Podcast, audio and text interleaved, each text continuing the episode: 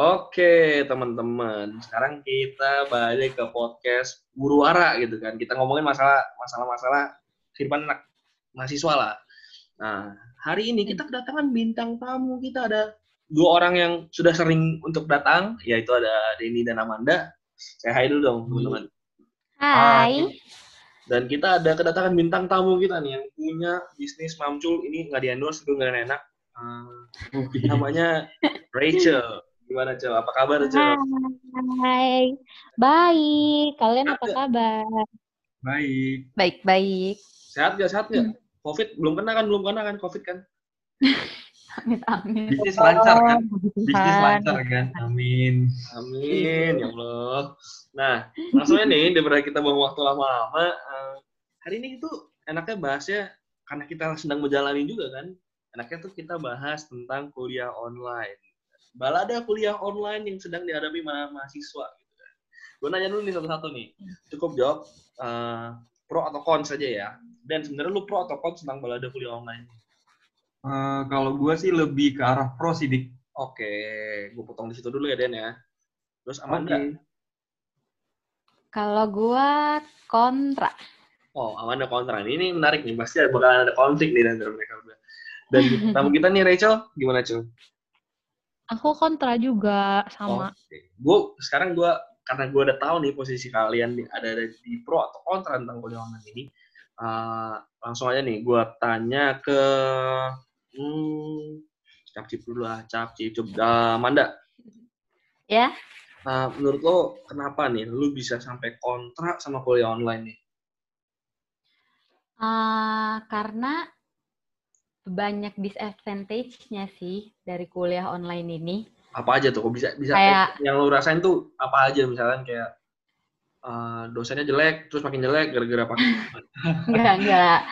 Kalau kalau dari gua pertama yang gua alamin ya uh, jaringan. Uh. Selain jaringan, gadget yang dipakai juga kadang suka bermasalah. Uh terus sama efektivitas belajar aja sih efektivitas belajarnya terus gue pengen hmm. yang gue pengen denger dari yang sehubu dulu nih Rachel gimana Cel? Oh, gue nggak suka gara-gara tuh kita jadi gue sih ngerasa jadi makin males okay. uh, eh, dengerin dosen dan tiba-tiba tugasnya banyak banget. Gue setuju Terus, sih kalau masalah kalau masalah tugas gue setuju banget sih. Terus apa lagi Cil? Terus uh, kalau si Manda tadi bilang masalah jaringan tuh gue juga ngalamin sih beberapa kali. Oke oke oke. Jadi hmm. kurang lebih hampir-hampir mirip lah ya apa yang kalian rasain buat bisa buat kalian bisa jadi kontra sama kuliah online ini. Terus gue pengen denger dari paduka gue nih. Den. Oke. Okay. Kalau gue sih lebih karena yang tadi gue bilang ya, gue lebih arah pro. Ah, Kenapa pro? Menurut gue uh, di saat di saat di saat seperti ini tuh lu bisa ngelakuin dua hal gitu. Oh, ya, misalnya gitu ya.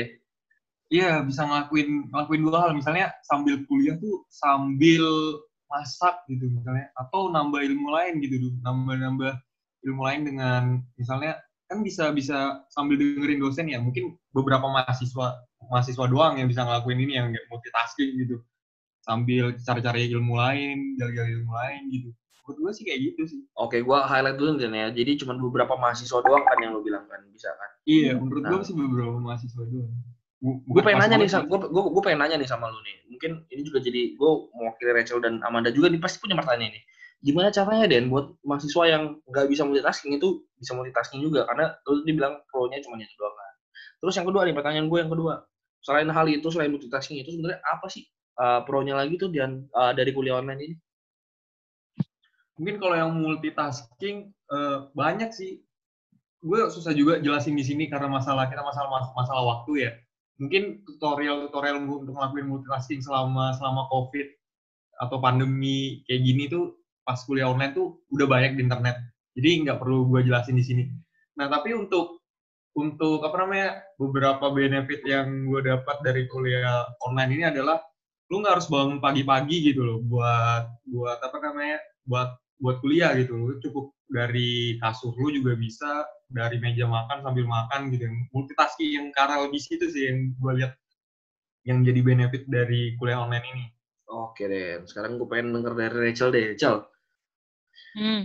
kira-kira uh, lu pengen memberikan sanggahan dulu nggak buat apa yang udah disampaikan ini nih? Atau uh, langsung masuk ke pertanyaan gua nih uh, pertama yang tadi si Denny bilang soal dia merasa bahwa tidak usah bangun pagi-pagi merupakan sebuah pro itu udah menurut gue tuh salah besar ya karena selepas pandemi ini selesai, kita semua akan balik lagi ke aktivitas kita masing-masing. Dan namanya bangun pagi itu, itu penting banget untuk kerja, untuk lo nanti magang, untuk apa pun deh. Jadi hmm. kalau misalkan lo menganggap bangun siang itu adalah sebuah uh, pro, gue gak ngerti, ngerti gak sih maksud gue? Itu kan jadi bikin lo males ya, itu kayak, gak baik. Kayak, ya sebenarnya gue juga tadi agak janggal sih dari gue ya, kayak hmm. kan uh, lu bisa bangun siang nih, padahal kan sebenarnya waktunya sama aja Den. Kayak lu kelas jam 8 dan tutup jam 8 gitu kan. Gimana tuh menurut lu tuh?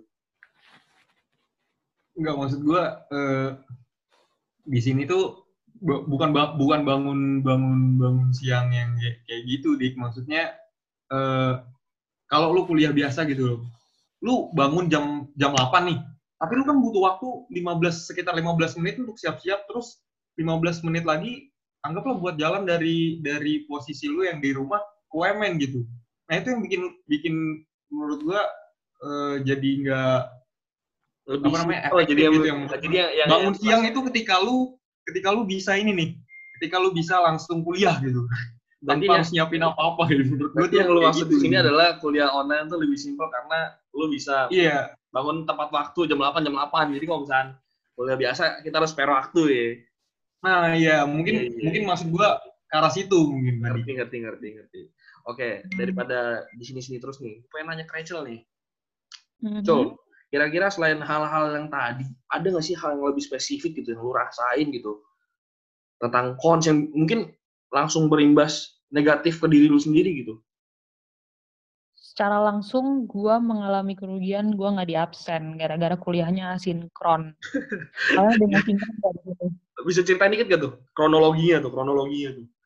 Kronologi. Jadi nah. singkatnya ya, kalau misalkan kita zoom, gue tuh selalu membangun uh, lebih cepat daripada jadwal zoomnya, ya kan? Supaya uh, kalau misalnya gue mau tidur lagi, ya udah nggak apa-apa gitu. Tapi yang penting gue udah masuk ke Zoom itu gue udah absen, udah ada gue di sana. Jadi itu hmm. dosen bisa tahu dan itu direkam, gue bisa jamin kalau gue tuh masuk.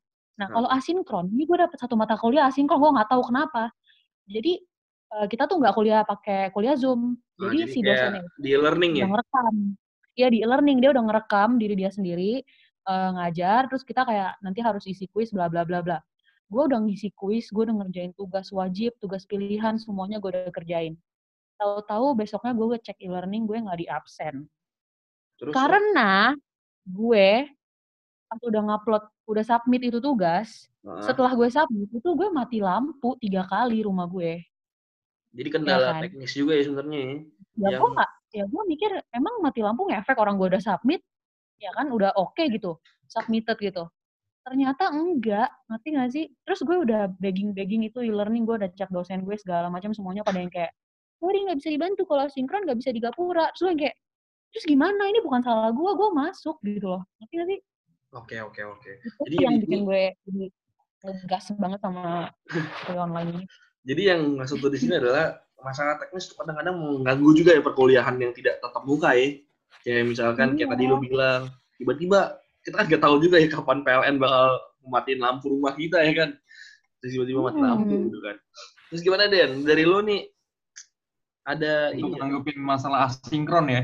Iya. Yeah. Kalau menurut gua kan kalau asinkron tuh kebanyakan ya, kebanyakan dosen tuh ngasih waktu itu lebih lebih maksudnya uh, untuk kelas asinkron dia bakal untuk tugasnya mas ngasih jangka waktu itu sekitar berapa hari berapa hari dari pertama dia ngasih tugas misalnya tiga hari setelah itu batas maksimal pengumpulan tugas habis ngumpulin tugas itu kan biasanya langsung ada uh, muncul ini kan uh, kuis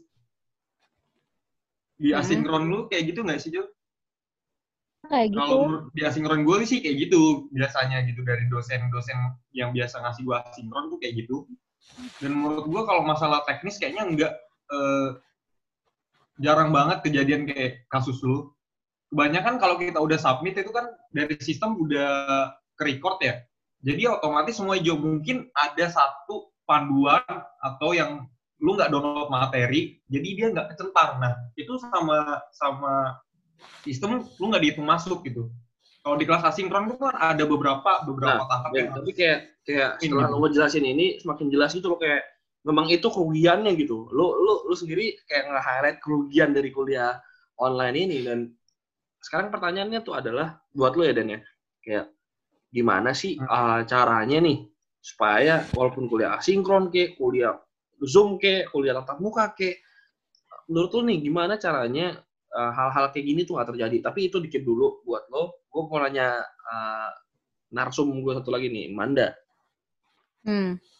Menurut lu nih Man, uh, tadi kan Rachel udah ngomong kayak lebih spesifik gitu kan, uh, tentang apa yang buat uh, atau tentang hal yang langsung berdampak negatif ke dia gitu. Kalau misalnya menurut lu, uh, buat lu sendiri nih, ada nggak hal yang langsung berdampak negatif buat diri lu nih ketika lu menjalani kuliah online ini nih? Uh, ad, ada ada sih mirip-mirip juga soal absen dan gara-gara kendala teknis juga. Nah, jadi bisa diceritain lo? Ya, jadi di rumah gue kan ada tiga anak nih ya. Iya, iya, iya. Nah, ada dua laptop. Nah, laptop yang satu tuh rusak. Oke, okay, nah, jadi cuma ada satu terus, laptop nih. Jadi satu laptop bertiga dong. Okay. Yang dua masih sekolah. Nah, Siap. udah gitu. Kadang kalau lagi ada kelas tuh uh, kan pasti mereka juga ada yang penting gitu loh, uh, ada ujian atau segala macam. Ya udah ngalah. Waktu itu tuh kebetulan uh, gue nggak tahu mereka nggak ngomong lagi ada ujian atau apa dan HP gue tuh udah nggak bisa download Zoom, udah penuh banget. Udah gitu, ya udah uh, dikasih gue kasih laptopnya dan harus uh, terpaksa relain absen karena ya emang susah juga kendala teknologi eh kendala gadgetnya juga.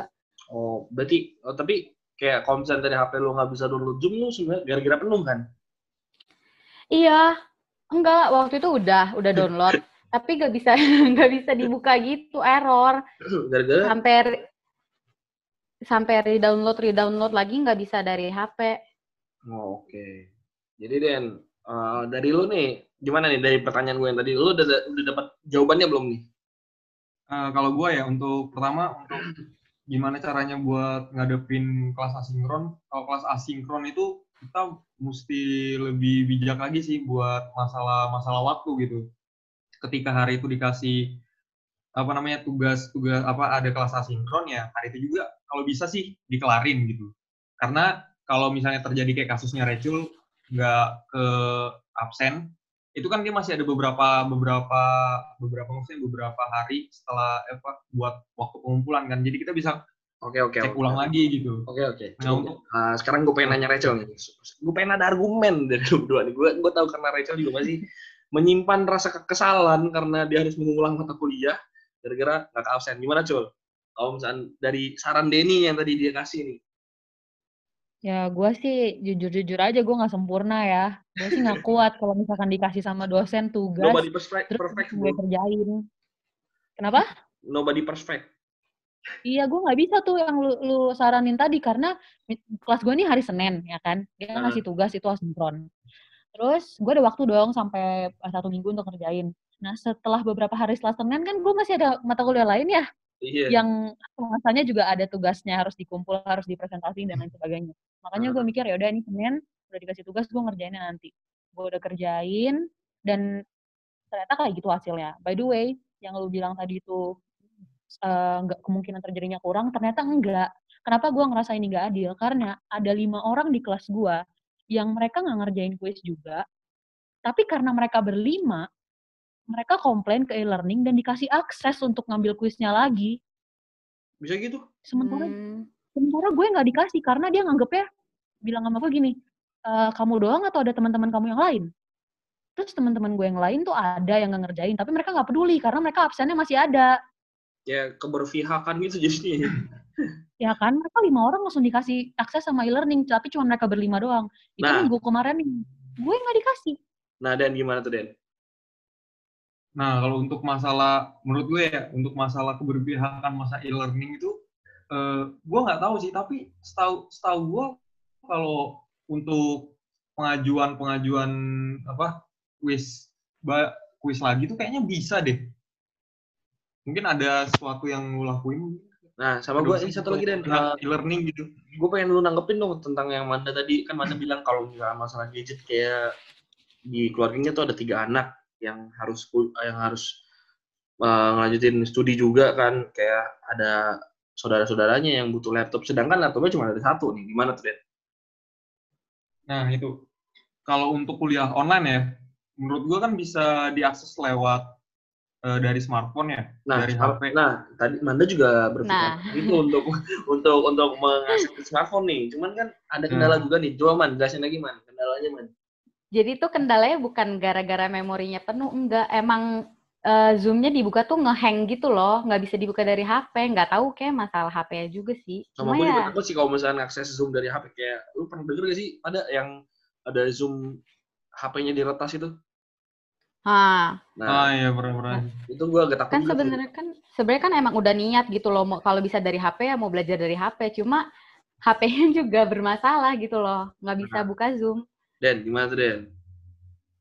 Nah, kalau yang itu balik lagi sih. Maksudnya uh, untuk yang punya HP kan bukan cuma satu doang ya di rumah ya.